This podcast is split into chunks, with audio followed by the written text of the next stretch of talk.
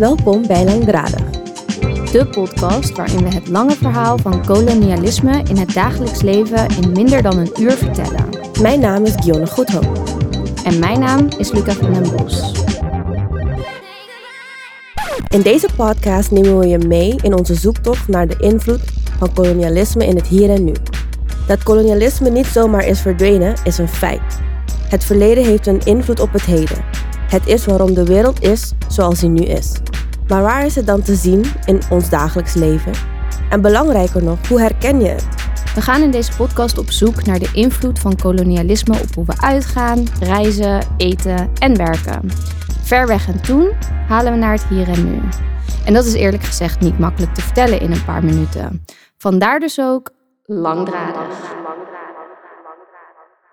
In elke aflevering neemt een andere maker je mee naar een plek in het hier en nu om te onderzoeken hoe kolonialisme daar eruit ziet. De locatie die in deze aflevering centraal staat is Schiphol.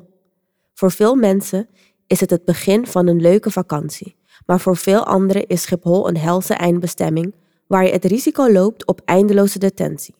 Wat heeft kolonialisme daarmee te maken? Chihiro Geuzenbroek neemt ons mee in een verhaal over het koloniale heden en verleden van Schiphol. Welkom, lieve luisteraars. Mijn naam is Chihiro en ik ben jullie host vandaag. Bij hedendaags kolonialisme denk ik eigenlijk direct aan grenzen en grensbeleid. Als iemand met Quechua-afkomst zie ik mijn inheemse volk verscheurd door vijf getrokken lijnen op een landkaart die ons leefgebied in Zuid-Amerika in natiestaten verdeelt.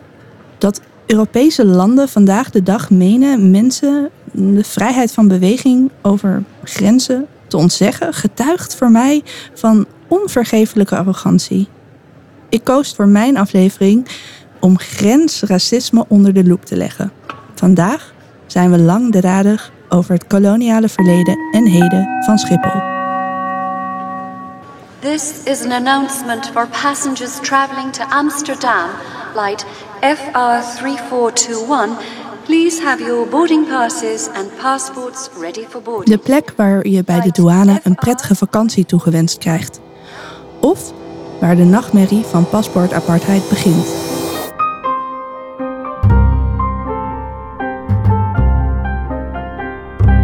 We gaan in gesprek met Said El-Karim uit Egypte die asiel zocht en ruim een jaar werd vastgehouden in detentiecentrum Schiphol. Binnen de regels van het systeem ontdekte hij een manier om zich tegen het gevangenisregime en de pesterijen van bewakers te verzetten. Met alle gevolgen van dien. Maar eerst een paar weetjes over de koloniale kant van Schiphol. Wist je bijvoorbeeld dat Schiphol geschiedenis begon als militair vluchtveld? In 1916 gaf de minister van Oorlog toestemming om op dit stuk grond een militair vliegveld aan te leggen. En in de Eerste Wereldoorlog omstandigheden zagen we een snelle groei in twee jaar van 16,5 hectare naar 76 hectare. 2. De oorspronkelijke naam van KLM was Koninklijke Luchtvaartmaatschappij Nederland en Koloniën. Een identiteit verbonden met koloniale trots. 3. Vandaag de dag vinden we koloniale trots in de dependance van het Rijksmuseum op Schiphol gelegen, waar kunst uit de koloniale hoogtijdagen van roof omschreven wordt als kunst uit de Gouden Eeuw. Het lijkt erop dat er weinig schaamte en inzicht is gekomen over de invasies en plunderingen van andere gebieden en volken. 4. Dat brengt ons naar de infrastructurele schaduwkant van Schiphol. Namelijk grensracisme.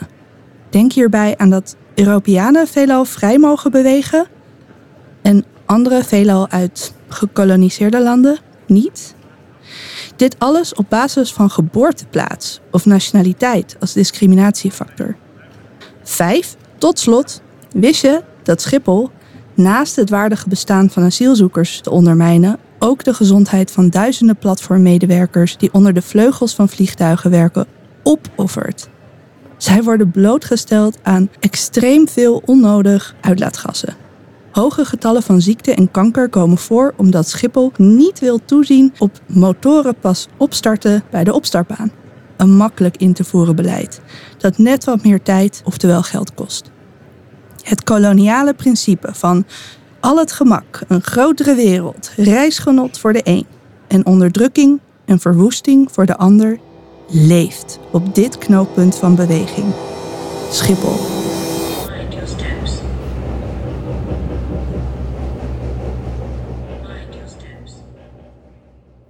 Ik vraag me af met welk verhaal Schiphol-medewerkers bij de douane het opsluiten van mensen, zoals Said, voor bewegen van één plek naar de andere op de aarde, proberen goed te praten.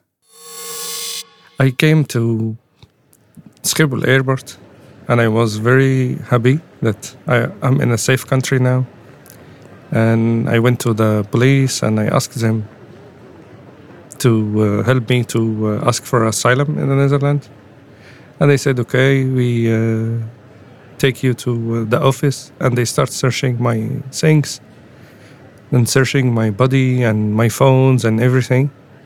And then they said, okay, we will take you to a place where you can sleep and eat until we until you finish uh, your uh, asylum. And that was uh, taking me to the prison.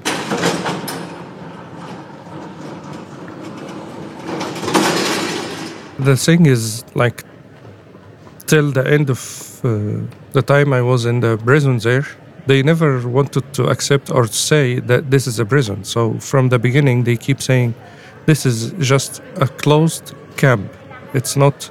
It's just a closed camp. I don't know. I don't know what like what what expression is this, but it's a prison. But they keep saying, "Oh no, you are here just for your process." But I'm I was there with criminal. You know, like that. Like beside the, the the one door, and there is other criminal who was arrested with drugs and stuff, and you know, like it it is a prison, but they keep saying no it's not a prison but yeah it's clear for everyone it is a prison Ze hebben eigenlijk nooit gezegd dat ze hem naar een gevangenis, detentie zouden brengen. En hoe meer ik eh, lees over het verhaal van Said in het boek wat hij zelf heeft eh, aan meegewerkt, Alle Dagen Ui, zie ik een, ehm, een web van bureaucratie eh, geweven worden. Eh, waarin het lijkt dat niemand verantwoordelijk is voor de hel die mensen zonder paspoortprivilege doorstaan in detentie. En ik vraag me af, hoe weet je überhaupt nog wat, wat waar is en wat een leugen is? Hoe, hoe baan je een weg door dat web?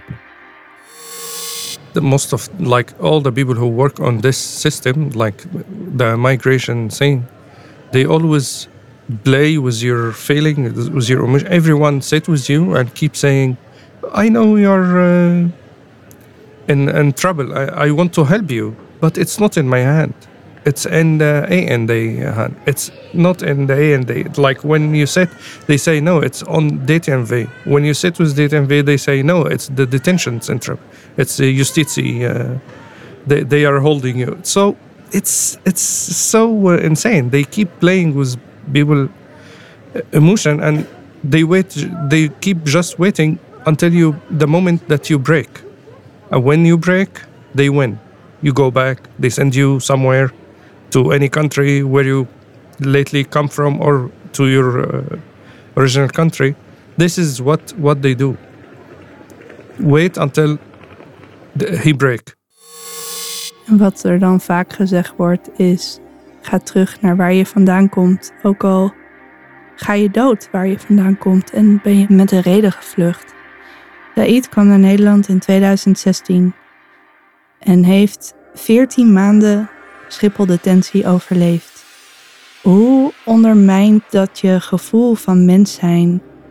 Ehm, wat gebeurt daar? I saw people getting really uh, crazy, really sick, psychiatric uh, problems. I saw people uh, trying to suicide. Me myself, it was very uh, difficult time in my life, but the, the challenge was that I don't want to see the people who were working there to see me uh,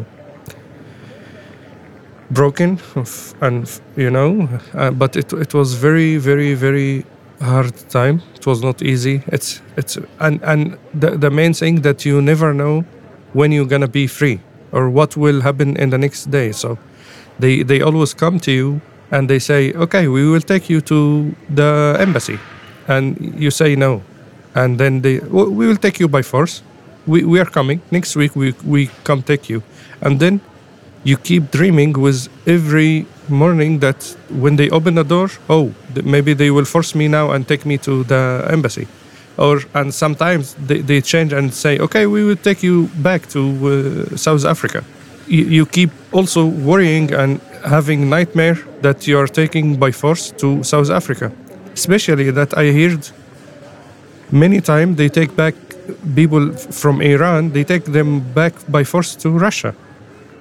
You, you can imagine what will happen for people in Russia and what will happen to Iranian people when they go back.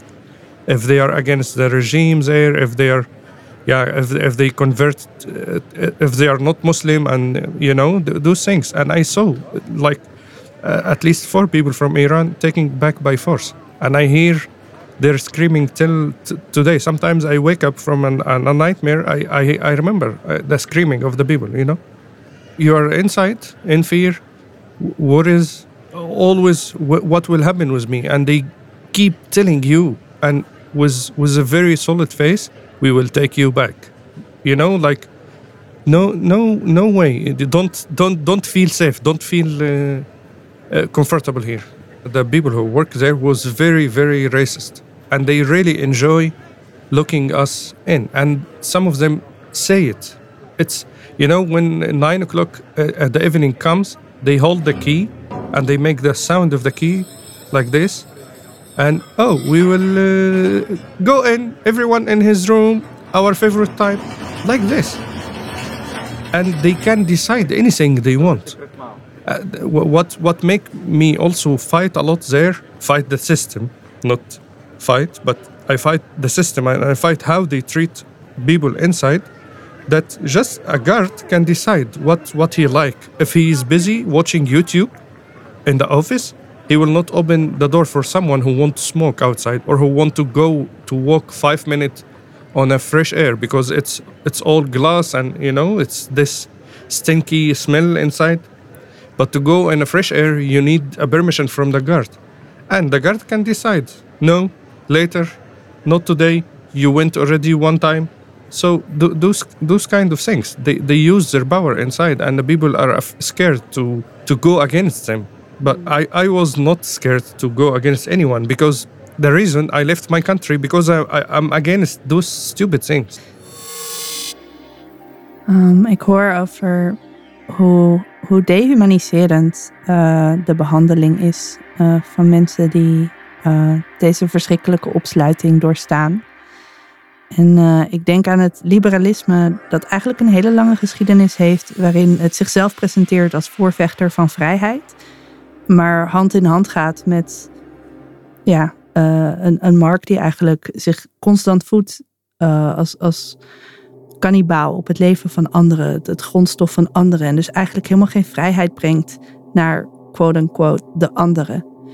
En ehm, in deze soort van schijnvrijheid eh, zit een hele ehm, nare verstandhouding tussen de vrije mensen en de onvrije mensen. En eh, wordt er eigenlijk eh, ge- gedacht van kijk de onderdrukker maar niet in de ogen, provoceer maar geen uitbarsting. Maar wat ik zo erg bijzonder vind aan Said is dat met de verschrikkelijke omstandigheden waarin hij zich bevond, toch de onderdrukker in de ogen heeft gekeken en toch heeft gezegd dit is niet juist en op zijn manier zich heeft ingezet. One time I, I was asking a lot to video chat with uh, my family. And one day I, I found the director because I complain a lot. Then I found the director coming to me and say, "Okay, I have an uh, good uh, good news for you." I said, "What?" And he said, "Yeah, you can Skype with your uh, family, but this will be on the office of the chef of the department. But this is only for you. Huh? No one knows." And then I said, Oh, no, I don't want it. If it's for me or for everyone, okay, and I will do it in the Vivi, and uh, there is an uh, uh, office inside the prison. And I said, no, if it's only for me, I don't want it. And what, what makes me also strong, you know, I want to see my family. But there was already almost a year gone. And if, if, I, if I Skype with them now once, and then I don't know when I will do it again. And also, it's only for me. I don't. I didn't like it, and I, I feel that they want. They just wanted to control me, to stop complaining, stop doing the the the, the, fighting the system, and yeah, you know, they just wanted to get uh, rid of me. This is it. Ze zeggen het een en doen het ander. Um, keer op keer het koloniale principe van verdeel en heers. Uh, hoe kun je mensen tegen elkaar uitspelen? De een wel, de ander niet. Het ene moment wel, het andere moment niet. Het is eigenlijk een constante uh, aanval op je mentale gezondheid, fysieke gezondheid. Uh, there is nothing to do there, you know, like you're not allowed to do anything, not even to learn the, the language. So uh, I, I took tomato and I tried to plant it outside. And then the guard starts shouting and uh, she, she, became very angry and she said, this is not allowed. What are you doing? You will get struck for this. And I said, no, I just plant uh, tomato and, uh, and mint or something. And no, it's not allowed and blah, blah, blah. And then she go back to the, the, the chef of the department or something and he talked to the director and they said, oh, it's okay. Uh, let let let him do this if he likes it. It's okay. There is no problem. He's not doing anything uh, bad, you know. And then the, uh, she came next week and she gave me seats and she said, "This is a gift from me."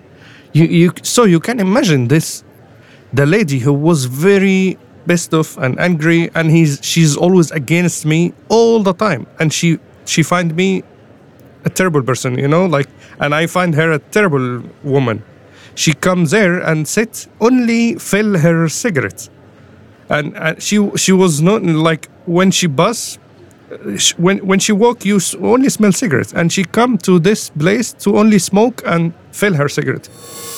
Na 14 maanden gebeurt het. Said wordt verteld dat hij vrij is, zonder excuus, zonder uitleg. En als zout op de wond wordt hem verteld dat hij blij moet zijn. Blij. Do we have good news for you? I said, Okay, what? He said, You're gonna be free. I said, Okay. Huh? Why you are not happy? I don't see that you. I said, What? What happy? What? What? What the fuck? What? What happy? Why did you keep me? Can you tell me why did you keep me this long? What? What? What was the reason? And why you're letting me go now? Why I'm free now? Why? Why did you keep me this long? He said, "Oh no, I don't know. It's a, it's a IND. It's not in me. But now you you're gonna be free. You should be happy." And said, I said, "Okay, don't don't don't say this word. Don't say this. Word. Give me the paper." I took the paper and I left. I went to my room and I started crying. I don't know what what to do. I don't know what you know. Like it it it was difficult, and I, I after after more than a year, your brain also doesn't function like normal. Like I, I couldn't think of anything. I just called a friend who visited me inside, and I said, "Yeah, I heard from them that I will be free, but I don't know what to do now." I, uh, and yeah, my friend said, "Okay, I will, uh, I will uh, ask someone to to wait for you outside to take you." And yeah, she was there, and uh, another story started. And I, yeah, I, I know it's it's a bit uh, strange. I don't know. Maybe maybe other people should be happy, but I'm not. I'm not. Till till till today, I want to know why. Why did they keep me this long?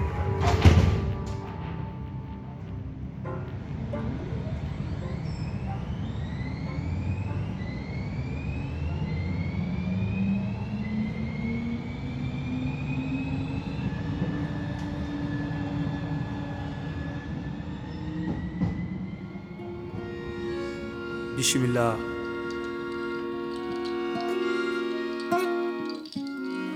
dañu fooge woon ni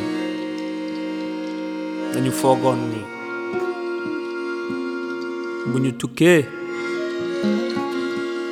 dina baax. Ñu ñëw mu sedd lool sedd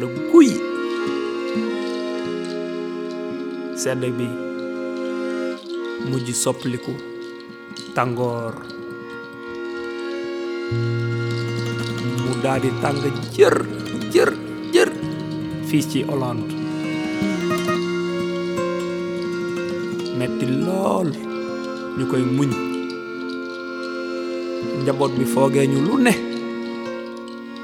Di ñu lu ne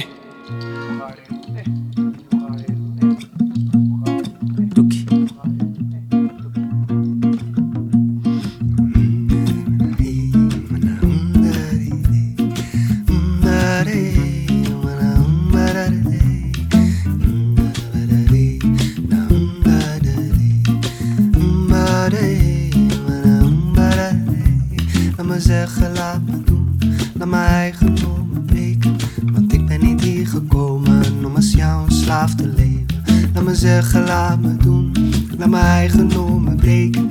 Want ik ben niet hier gekomen om als jou slaaf te leven. Ga door met vuile woorden, man, want ik ben niet vies te krijgen. Probeert mij te verleiden met geld en die praktijken. Ga door met vuile woorden, man, want ik ben niet vies te krijgen. Probeert mij te verleiden met geld en die praktijk. Ik ben op zoek naar licht. De zon die straalt in volle glorie, maar ik zie nog niks. En ik weet niet waar ik thuis hoor en eerlijk gezegd weet ik niet waar thuis is. Ik ben nog steeds op zoek naar het verhaal waaruit mijn naam is geboren. Ik wacht in al mijn trots en heb in de tussentijd die van mijn broers gevonden. Ik hoor Lisazo, Chaleco, Emilio Berenos. Ik hoor Lingala. Ik hoor Franco, Luambo, Macchiari, het mysterie uit Congo. Alsof mijn verhaal toch nog in oorsprong onlosmakelijk verbonden is met de wereld waar geschiedenis begonnen is. Ah, ik heb half bloed, maar leid een dubbel leven. Ik zuiver mijn zonden, maar ik accepteer mijn genen. En zoals mensen zonder oren en ogen elkaar eeuwig zullen tegenspreken, moet ook ik kiezen. Want vuur en water mengt niet, maar toch vind ik plekken waar mijn dissonantie klinkt als harmonie.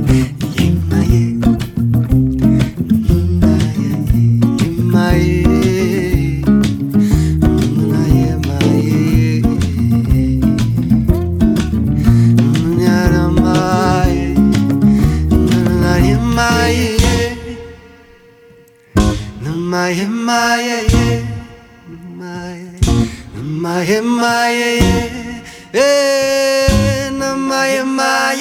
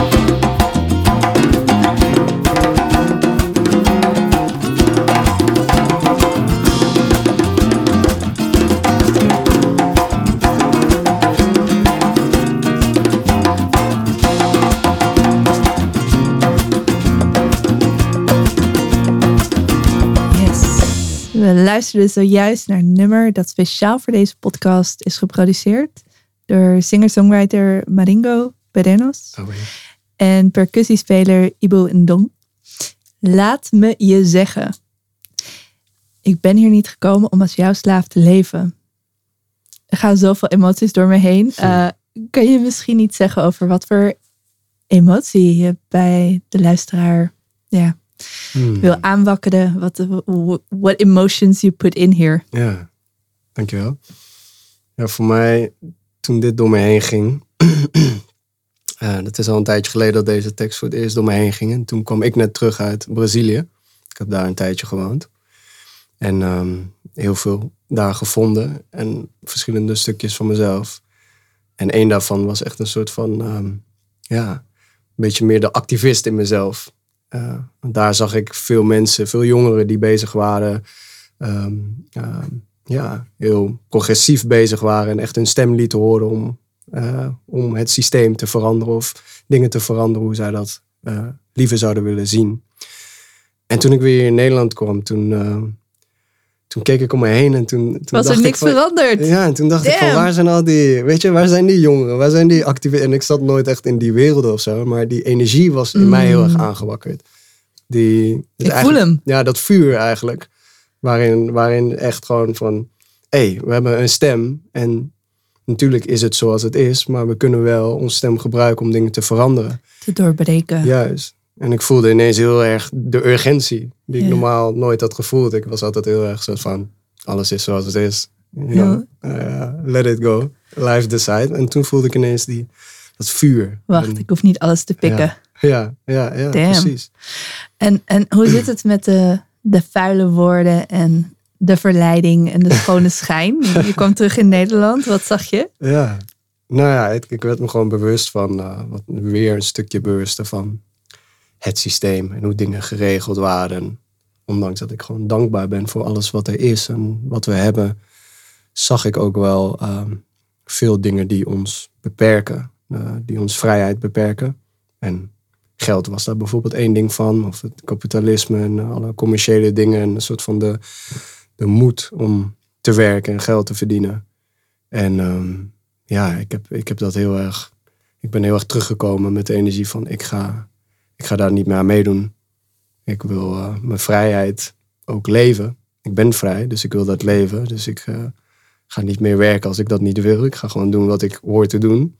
En ehm, ja, tegelijkertijd ontstond er een, eh, een taak of een missie voor mezelf om, dat, om an- anderen daar ook in te inspireren. Mm. Echt Mm. jezelf te leven. En, ja. Ik, ik voel hem ook, het, het einde van het nummer horen we de percussie solo Mm, ja. van Ibu. Ibu. Het is zo bevrijdend. Ja, toch? Eh, eh, hebben jullie daar dat ook zo, zeg maar, naar dat soort van slot toegewerkt, ook van met dat gevoel van empower, Ja, liberate? kijk, Ibu, kijk, dit, dit, wat ik zei, deze tekst was dus al eerder door me heen gekomen. En wat wel grappig was, was toen, ik, toen het door me heen kwam, dat ik al zo'n visioen had van er gaat ooit een soort van, wat, een soort uit, ja, activistische organisatie zijn die mij vraagt om een nummer te schrijven. En dit nummer is daarvoor geschreven. En grappig genoeg was er, ik woonde toen om de hoek bij, eh, bij eh, het Tropenmuseum. En gek genoeg had ik daar altijd een associatie mee met dit nummer. Mm, Dus op, eh, toen, toen ik daar gisteren weer achter kwam, was dat ook wel mooi. interesting. Ehm, het, eh, in het begin horen we de percussionist Ibu Ja. ook spreken in Ja. Eh, hij, hij komt uit Senegal Hm. ehm, en zegt daar volgens mij iets over zijn ervaring van naar Nederland Ja. komen. Ja. Eh, kan je iets meer delen over wat, we, waar, wat, wat hij zegt of wat Ja. hij deelt? Ja, mm, ja, wat hij eigenlijk zegt is van. ehm, hij beschrijft van voordat ik naar Europa kwam, dat hij dan een soort van beeld had van Europa. En dat het daar allemaal mooi was en luxe en eh, rijkdom. En eh, dat het daar een soort van paradijs zou zijn. En dat hij, hij met zijn exploring drive voelde om daarheen te gaan. En eh, dat, dat hij dan op tv sneeuw zag en kou zag. En dat eh, dat het hem als een soort van sprookje eruit zag. En op het moment dat hij hier komde, toen, eh, kwam, toen, hoe hij dat zo mooi zegt, zei hij van, toen deed de kou me de controle verliezen. En voelde ik dat, de bezieling van dat ik de bezieling van mijn land verloor. Ehm, ja, en ik heb er sowieso veel met hem daarover gehad. En hij, hij, heeft, hij heeft natuurlijk een onwijze impact. Gewoon voor de mensen hier. Omdat hij gewoon echt een totaal andere cultuur en wijsheid brengt. En, ehm, en voor hemzelf ook zegt hij dat hij wel heel veel heeft geleerd hier in Nederland. Dat zijn perspectief gewoon een soort van 180 gedraai- graden gedraaid is van een beeld van Europa. in, in, in, in connectie met Afrika. En dat hij nu dan in Europa is en dat hij daar naar kijkt en denkt, hè, maar dit klopt niet. Mm. Weet je, dat hij eerst soort van allemaal nieuwe kleren ging kopen en dat hij, dat hij nu zegt van nee, maar dit... eh, ja, en dat, eh, dat, oh, daar heb ik ook weer heel onwijs veel van geleerd. En dat straalt hij ook uit naar, naar ja. Ja, blij dat jullie samenwerken. Het is Ja. een hele goede mix en daar Onwijs. hoor ik heel graag nog veel meer van. Ja, onwijs dankbaar. Um, Dank je wel voor jullie. eh, het voelt als een blessing dat Ja. jullie deze, ja, dit nummer zo hebben geproduceerd. En ons ook een momentje he- hebt gegeven om te bezinnen van het verhaal waar we net naar luisterden van Said. Hmm. En nu overgaan naar het, het, het gesprek eigenlijk over eh, grensracisme in een groter systeem, een groter web van ehm, grensgeweld. Dankjewel, dankjewel eh Maringo. En ik hoop eh, nou ja, dat, dat dit geluid maar ver eh, mag door Ja. eh, schijnen, stralen en gehoord mag worden. Ja, let's do it. Allee.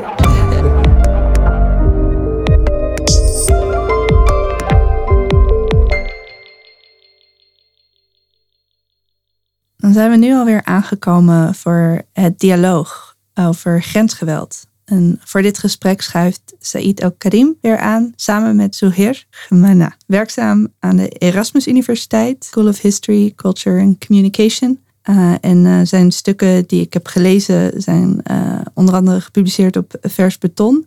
En wat mij ook opviel eraan is dat het ook gaat over wapenhandel, vluchtelingenbeleid en hypocrisie en dekolonisatie. Om dit gesprek te openen heb ik aan het collectief Stop the War on Migrants gevraagd om een introductie te schrijven. Hier volgt een inleiding over grensmilitarisme. Op en bij Schiphol komen nagenoeg alle aspecten van het militariseren van grenzen samen om vluchtelingen buiten het land te houden of te krijgen.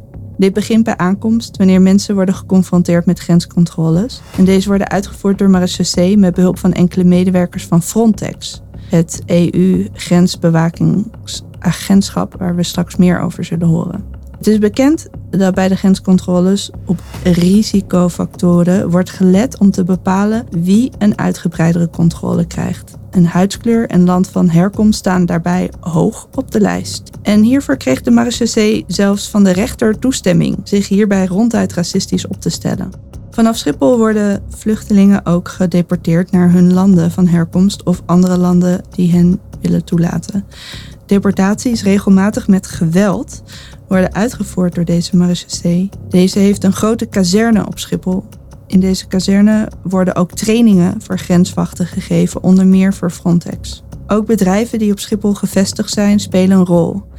EASPR voert al jaren surveillancevluchten voor Frontex uit boven de Middellandse Zee om vluchtelingboten te spotten, die daarna onderschept en vaak opgesloten of teruggeduwd worden, de zogenaamde pushbacks.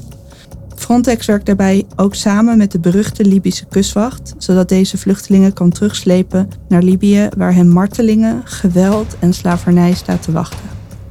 Schiphol is een belangrijke internationale doorvoerhaven voor wapens. Sinds 2005 gaat het om meer dan 18.500 wapenzendingen. Dezelfde wapenindustrie die profiteert van het militariseren van grenzen, weet onder meer via Schiphol over de hele wereld wapens te exporteren die bijdragen aan geweld en onderdrukking in bijvoorbeeld Palestina, Libië, Irak, Afghanistan en Algerije. Precies de redenen waarom mensen gedwongen op de vlucht slaan. Tot slot een feitje. Thales, wapensystemen en munitiebedrijf met een vestiging in Nederland, levert ook de OV-chippoortjes waar iedereen die per trein naar Schiphol komt mee te maken krijgt. Said, Soheer, wat fijn dat jullie aan tafel zitten. Voordat we gaan praten over grensbeleid, ben ik heel benieuwd naar jullie gedachten over überhaupt grenzen en uh, nazistaten. Hoe verhoudt het zich met kolonialisme? Je kijkt mij aan, dus ik neem aan dat uh, je graag wilt dat ik begin. Um, ten eerste dank je wel dat ik hier mag uh, aansluiten vandaag. Ook echt een heel mooi stukje muziek net. Ik, uh, het is echt heel... het beweegt je op meerdere, op meerdere niveaus. Ja, grenzen. Um, grenzen zijn extreem bloedig. Grenzen zijn gewelddadig. En dat heeft natuurlijk alles te maken met kolonialisme. Want Europa zou Europa niet zijn zonder de bloedige geschiedenis en de nog steeds tot nu toe eh, reproductie van kolonialiteit. Ehm, wat we daarmee bedoelen is, is in principe dat ehm, Europa Europa alleen maar heeft kunnen zijn door de geschiedenis van kolonialisme in samenwerking met het kapitalisme. En dat alles wat we nu kennen als Europa dus daarop gestoeld is en daarop gebouwd is. En dat de huidige grenzen eh, die nu in stand worden gehouden, dus werken als, als een manier om dus dat idee van Europa in stand te houden. En dat gaat gepaard met racialisatie. En met racialisatie bedoelen we natuurlijk elke gewelddadige vorm van, eh, van het proces van, van, van ras en racisme. Maar grenzen gaan natuurlijk ook voorbij alleen maar de fysieke lijnen die we soms zien. Ik weet niet of jullie uh, Harsha Welia kennen. Bijvoorbeeld zij schrijft dat er grenspraktijken dus anders zijn dan daadwerkelijk grenzen. Dat grenspraktijken dus uh, voorbij wat we normaal gezien als grenzen kennen. Bijvoorbeeld dat de gevangenis ook een vorm van, van, van een grenspraktijk is. Dat reservaties op Turtle Island, wat, wat nu wordt gezien als, als Canada en de Verenigde Staten, ook, voor, ook vormen van bordering practices zijn, dus grenspraktijken. Dat uh, refugee camps dat ook zijn. Eigenlijk een soort van kunstmatige afstoot. Ik denk dat het, ja, ja, ik denk dat het zeg maar een vorm van displacement is. Ik denk dat het Nederlandse woord daarvoor onteigening zou, zou zijn. En dat dat ook wel zeg maar we worstelen met het Nederlands, omdat onze taal zo arm is in dit gebied. Ik kijk even naar Said eh, naast me. Ehm, wil je iets delen over wat, ja, hoe kijk jij naar grenzen überhaupt? Ja, ik, ik zie dat die, die alle landen dat maakt in het uh, oude tijd. uh, oh, sorry. Uh, blah. Ja, Said. Uh, no, I, I think I will uh, switch to. Uh, otherwise, uh, I have to search for the word. But uh, I don't know. But I see that the, the all the countries w- which colonize Africa and uh, Asia and South America uh, on the old time, now they are the countries where they have a very strict and very uh, bad yeah, system to they say to protect their uh, border and stuff. The, uh, it's it's still uh, colonizing the world. You know, it's they say it's over. It's not over. They just they just close their countries and they bought they they they they support dictator dictatorship in in all the countries where they were before. It's still colonizing. You can you can yeah maybe the Dutch people doesn't see it like this, but if they close their eyes and think, okay, where where can where can I go with a Dutch passport? Then they can go everywhere. Okay, where African can go with their passport? They can not go anywhere and uh, think about what what countries was uh, colonizing the, the whole world. It's Europe. It's uh, uh, where else? This is uh, how I see it. Ik moet zelf ook denken aan een eh, meme van The Colonial Atlas eh, over fake borders. En dan zie je de kaart van Afrika en de rechte lijnen, ook vooral in het noorden, die gewoon zo zijn getrokken door kolonisten. Van nou, laten we daar eens een land op tekenen. Of the 857 different ethnic groups in Africa, 28% are divided by two or more countries, nation states. This colonial heritage has led to increase in violence and instability. Dus ook hoe letterlijk eigenlijk verschillende leefgebieden van volken verscheurd zijn door die grenzen, die heel kunstmatig überhaupt tot stand zijn gekomen. De meest bloedige grens van de wereld, de Middellandse Zee. Uh, hoe komt dat? Uh, en wat is Frontex nou precies? Uh, wat moeten we weten over dit, uh, deze vage instantie? Nee, Frontex wordt gezien als, als, als soort van en nu moet ik weer gaan zoeken naar de Nederlandse woorden, dus excuus als, als, de vertaling niet helemaal accuraat is. Maar het, het, het is dus een grensbewaking, het is dus een grenspolitie met wapens. En de budgetten die, die stijgen alleen maar die naar Frontex gaan. Over de, over afgelopen paar jaar hebben we gezien dat het budget wat richting Frontex gaat alleen maar verhoogd en verhoogd is. En Frontex maakt gebruik van, van, van gewelddadige uh, uh, policingmethoden uh, rondom uh, de Middellandse Zee. Als ik me niet vergis, is een private. Het is, een, is het een privé. Het is door de EU aangestuurd. Het krijgt miljarden van de EU. Het is heel onzichtbaar spook in de zin van wat er van binnen afspeelt. Het heeft inmiddels 1500 personeel. is behoorlijk wat. Yeah, they they uh, block people from coming with boats, and they send them back to Libya. To uh, yeah, and sometimes the people uh, just sink in front of them, and they doesn't save them. And what happened last week? Uh, that the boat was sinking on the border of Tunisia and on in the Mediterranean Sea. And yeah, so, some people blame yeah the, the military of Tunisia or but I think probably this Frontex have something to do with it, and also they try to stop anyone who help those people. Uh, yeah, but uh, Frontex itself, this is uh, Blijft vaag, ja. Ja. Eh, Frontex opereert dan op het EU-niveau, Ja. maar ook Nederland zelf is verbonden met eh,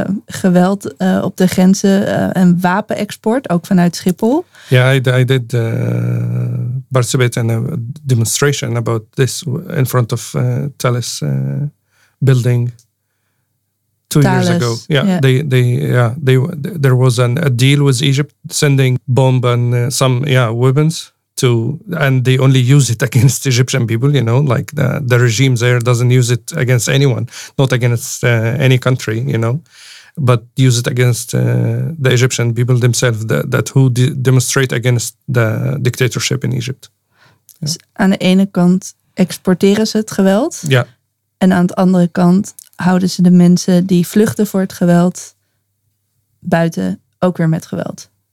our countries is still co- colonized with those countries. How they support dictatorship there? They give them weapons. They stop people to uh, run away from there and raise their voice against the regime there. You know, like because if you, they are supporting the the regime and in all the African countries.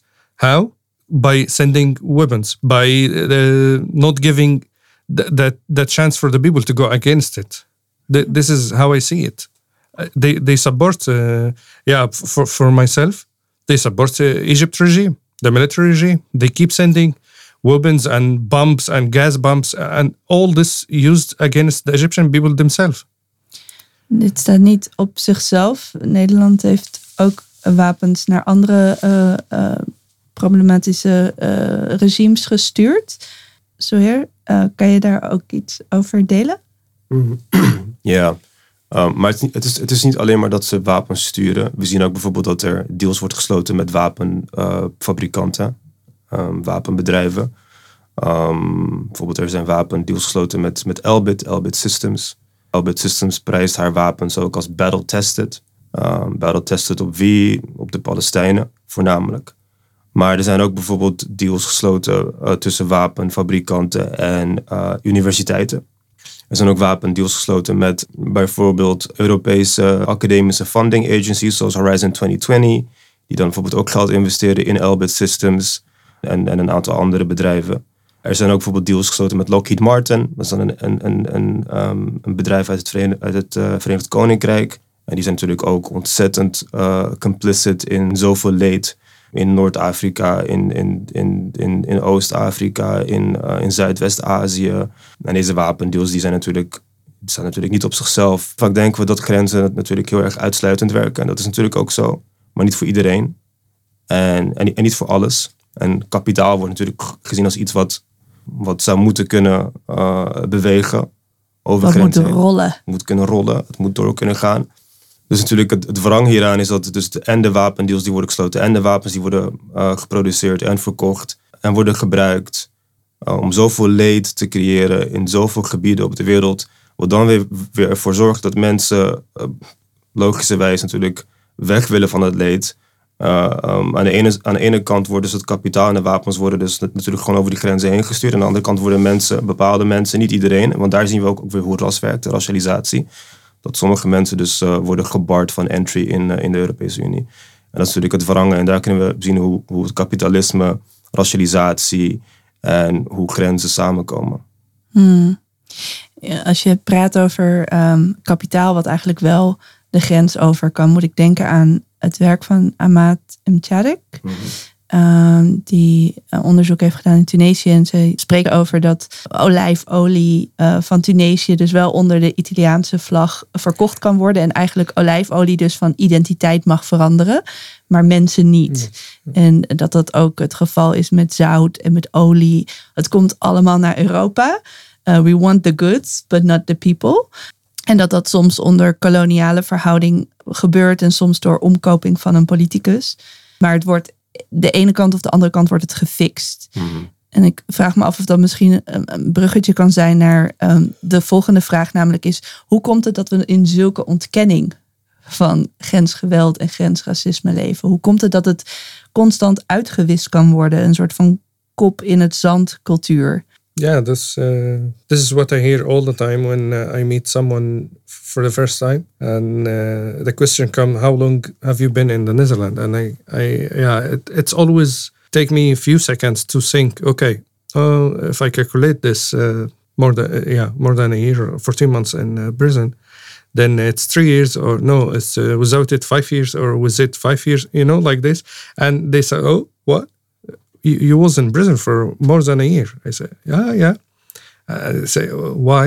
I said, yeah, nothing. I did nothing. They say, no, that's not possible. I said, yeah, I just asked asylum at the airport. They say, they start saying, no, something wrong. You, you did. We, we don't do this. You know, this mostly student, uh, you know, the young people, or sometimes also old people who doesn't follow anything. You know, like okay, Ze I'm- willen het niet yeah, weten. I, I'm only, I only care about the Netherlands. I don't care about anything else.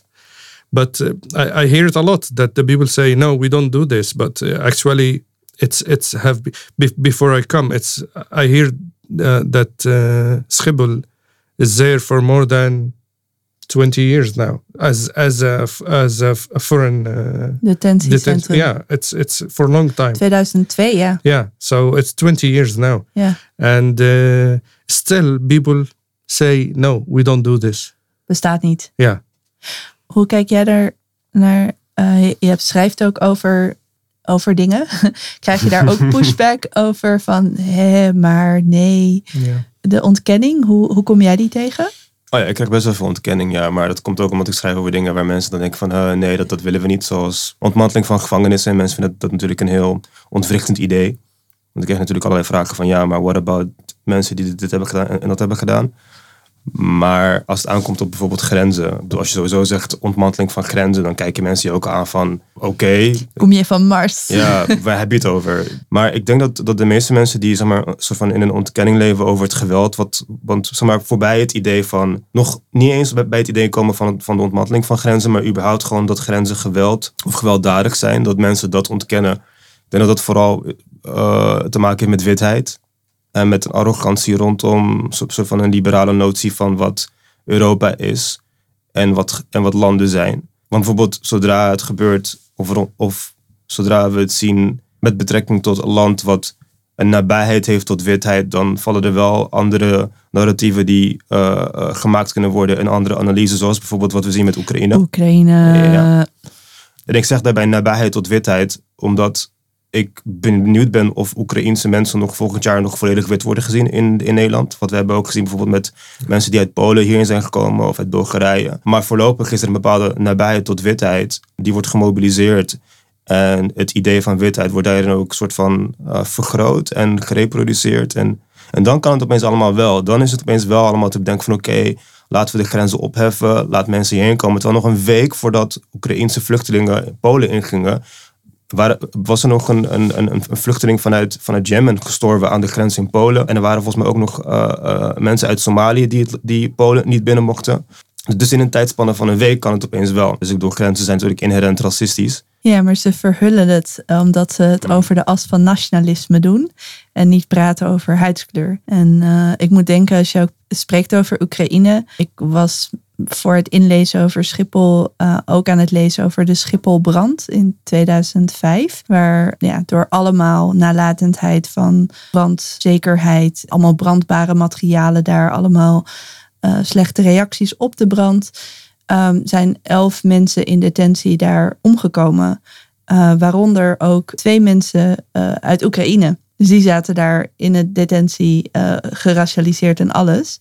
En nu zie je dat op de media iedereen praat over Oekraïne, beschaafd land. Hoe kan dat nou? En, en, en, en wat er dan volgens mij ook wel meespeelt, is dat nu de NAVO daar interesse in heeft. Of de, de, dat je ook ziet met de wapenexport eh, dat NAVO-shipments from the US niet gecheckt worden. Eh, dat er, eh, ja, laat maar doorgaan.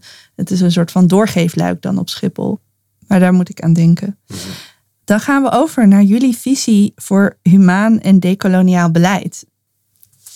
Yeah, it's. I don't know, but I I think the only way I see this border disappearing if those country who uh, colonized still our countries stop supporting our regimes, stop giving them weapons, stop stealing our countries, taking the oil, taking gold, taking all the the yeah the things that they want and The leave- shiny leave- stuff. yeah the shiny stuff and leave leaving our c- country poor and leaving uh, our people in poor i think if they stop doing this then this border will disappear. If they start coming to our countries we we will not come here you know? Like if they leave africa alone and le- le- let the people r- rule uh, themselves you know? Don't don't pick someone from the military and put him on the head of uh, egypt or uh, or or uh, libya or you know whatever. I i think this border will will be um, yeah will give make no sense because we will not come here. We don't want to come here. You know we no no, no one wants to leave his country. But the situation that our country in because of what the west do the, the european countries and america and those big countries because of what they are doing that's why we come and that's why we see this border thing. And people die and people you know like suffer and yeah we, we are not happy doing this no one is happy doing leaving his country so I think the only solution if they stop uh, supporting th- those dictators and stealing our countries. I, yeah. Klinkt als een helder begin. Heb je daar iets op eh, aan te vullen voor de visie voor een decoloniaal eh, herstelbeleid? Ik denk dat een van de beginselen toch wel, en, en het werd net ook al genoemd door jou, ehm, heel kort, is dat we moeten kijken naar de natiestaat. Dus de manier waarop nu de landen worden gegoverned. Dat we eerst kijken, dat, dat we nadenken van oké, hoe kunnen we nadenken over andere vormen van, van samen zijn. Voorbij dus het idee van een natiestaat. En daar komt natuurlijk bij kijken dat we serieus moeten gaan nadenken en kijken naar ontmanteling van verschillende vormen van onderdrukkende structuren. Waaronder dus raciaal kapitalisme, waaronder dus het patriarchaat, waaronder dus kolonialiteit of kolonialisme. Want al deze dingen die zijn natuurlijk met elkaar verweven en verbonden. En de ontmanteling van grenspraktijken in het algemeen is denk ik misschien een, een, een, een goede eerste stap om na te denken van oké, hoe kunnen we ervoor zorgen dat het geweld wat in stand wordt gehouden door al die grenspraktijken eh, komt te verdwijnen. Ik weet niet of ik kan praten over beleid, want ik ben, ik ben geen fan van beleid. Ik denk dat inherent het, het, de term decoloniaal beleid eh, contradictisch is. Want beleid is een vorm van koloniaal geweld, zou ik zeggen persoonlijk. Dus ik weet niet of ik daar iets aan. Ik weet niet of ik iets kan zeggen over mogelijk decoloniaal beleid. Wat ik me dan afvraag is, eh, hoe kunnen we naast de grote eh, praktijken of beleid op een klein niveau in onze eigen kringen beter stilstaan bij wat er gebeurt, om het te kunnen benoemen en onderscheppen en misschien ook gewoon die emotionele kant toe te laten. Het is niet alsof de cijfers niet bekend zijn. Het is niet alsof er ook geen beeldmateriaal is, want dat is er ook. Maar mensen kiezen ervoor of, of om het niet te nuttigen, wat ik snap, want het is natuurlijk, het is natuurlijk brute beeldmateriaal. Maar ik weet niet zo goed wat ik met deze vraag moet. En het heeft niets te maken met de vraag, het heeft te maken met mij. Vaak wordt er over deze misdaad in hele abstracte termen gesproken, of het nou de statistieken zijn of eh, het beleid. En wat ik heel mooi vind van zeg maar, deze podcast, dat we bij elke aflevering een nummer hebben, die ook gewoon eventjes wat er ook allemaal aan, aan, aan goede dingen gezegd worden laat binnenkomen. En ik denk dat dat een onderdeel is van onze koloniale samenleving, is dat we dingen niet laten binnenkomen. Dat we alles nummers hebben gegeven en kwantiteiten, maar zoveel van kwaliteit, ja, gewoon wegzetten. De, de, de waarde letterlijk van, van mensen, van leven, van landschappen, van, van alles, van all our relations, ehm, ondermijnt. En hoe kunnen we die, die zeg maar terugreclameren, zodat we vanuit hele andere waarden überhaupt opereren. Zo, ja. Nee, ik snap. Ik, ik, denk dat, ik denk dat ik nu je vraag wel. Ik denk dat je vraag beter bij mij binnenkomt nu. Als ik dit hoor, denk ik dat het voornamelijk gaat om een idee van. Het idee van een zelf. En wat ik daarmee bedoel is dat zeg maar, er is een bepaalde notie of een bepaald idee van wie we zijn als individu. We worden gemaakt tot een individu. En dat is gestoeld op een bepaalde koloniale traditie, wat meestal ook wordt aangeduid met moderni- moderniteit en moderniteitsdenken. Maar dit idee van een zelf is erg gestoeld op het idee van dat we rationele entiteiten moeten zijn. Dus vooral heel erg moeten nadenken over dat vooral helemaal in onze hoofd zitten en dat er een onderscheid is tussen hoofd en het hart. Als we dat daaraan werken en daarop op, op reflecteren, op het idee dat we dus niet alleen maar zouden moeten zitten in ons hoofd en dat we na- daadwerkelijk nadenken over, over een, een, praktische, radicale vorm van liefde, dat we dan misschien daar misschien dichterbij zouden kunnen komen tot waar jij op doelt. Is there anything you feel like adding? No. Is there anything unclear? No, that's, uh, Oké. Hoe zou jij, wel, hoe zou jij jouw vraag beantwoorden? Eén één ding wat ik, voor mezelf heel visueel is, is dat je hebt een kaart van eh, de wereld waar verschillende inheemse eh, volken aan meewerken om mapping their own territories. En dan zie je dus heel veel overlap. Dus je ziet grenzen die door drie verschillende volken ook eh, beleefd en geleefd worden op, op een stuk land. En het idee van die overlap spreekt me heel erg aan. Dat we kunnen letterlijk samenleven. en dat dus überhaupt het, het land niet van de mens is, maar dat wij ja, het web van leven toebehoren. En dat we daar een rol in te spelen hebben, maar niet als overheerser. Uh, ook voorbij de menselijke suprematie. Ja, dat, dat is een manier van samenleven die ik heel erg voorsta. Ik denk in de hele directe uh, zin, waar ik me zorgen over maak, is dat op Europees niveau er nu een plan is tussen 2021 en 2027. Een, uh, een soort van Europees leger, een European Defense Fund, waar 8 miljard voor is uh, gereserveerd. En waar nu al iets van 600 miljoen European public money toege, toegezegd is aan private bedrijven. En ik denk dat dat, dat echt gestopt moet worden. Want dat uh, maakt Europa eigenlijk klaar voor een, een, ja, een soort van uh, massaal leger. En als je kijkt naar klimaatverandering en alles, is uh, de retoriek van de politiek nu om, zoals Rutte ook zegt, het klimaat aan te pakken zoals defensie, VS en Israël voor innovatie. Dat dat een heel slecht idee is voor veiligheid. En dat het heel veel oorlog en heel veel bloed gaat opleveren. En dat het onderzoek wat ze uh, willen doen ook naar automatisering van wapens kijkt. Dus dat je op dit moment zijn killer robots nog niet toegestaan, maar ze kijken wel naar nog meer ja, achtige drone technologieën, wat ook de, de uh, conditie voor oorlogvoering totaal verandert en daarmee nog verder dehumaniseert. Dus ja, mijn, mijn visie is vooral voor de humanisering en dat niet op een liberale manier begrepen, maar een humanisering waarin de waarde van het leven wordt gereclameerd. En de waarde van al ons leven, al onze broeders, zusters en ja, andere familieleden. Uh, dankjewel ook voor het stellen van die vraag. Nee, anders sta je er alleen maar als een vraagsteller en geen, en geen, uh, geen participant. Heb, heb je gehoord wat Marine, wat Marine Le Pen had, heeft gezegd over grenzen en over klimaat? Le Pen zei over grenzen dat, dat, dat, dat grenzen de grootste bondgenoot zullen zijn in de strijd tegen klimaatcatastrofen. dus om maar weer aan te kaarten hoe, uh, uh, hoe politici uh, grenzen weaponizen. Um, en, en rechts klimaat kaapt voor verdere grensracisme. Ja. Ik wil onze gasten bedanken voor het inzichtelijk maken en invoelbaar maken van hoe koloniale logica en dynamieken en praktijken verweven zijn op Nederlands grootste luchtveld en daarbuiten. Samen praten, samen werken en samen verwerken uh, is essentieel voor het leren duiden en ontwarren van alle draden zonder de draad kwijt te raken. Uh, meer leren over dit onderwerp? Check dan ook de podcast van de Verbranders, waar gepraat wordt over de ongelijkheden die grenzen produceren en in stand houden. Een speciale dank ook voor het collectief Stop the War on Migrants, die actief campagne voeren tegen het huidige EU-grensbeleid. En uh, mocht je, net als wij, ook meer willen leren over die vage instantie van Frontex, uh, die de, onze wereld onveiliger maakt, check dan ook abolishfrontex.org.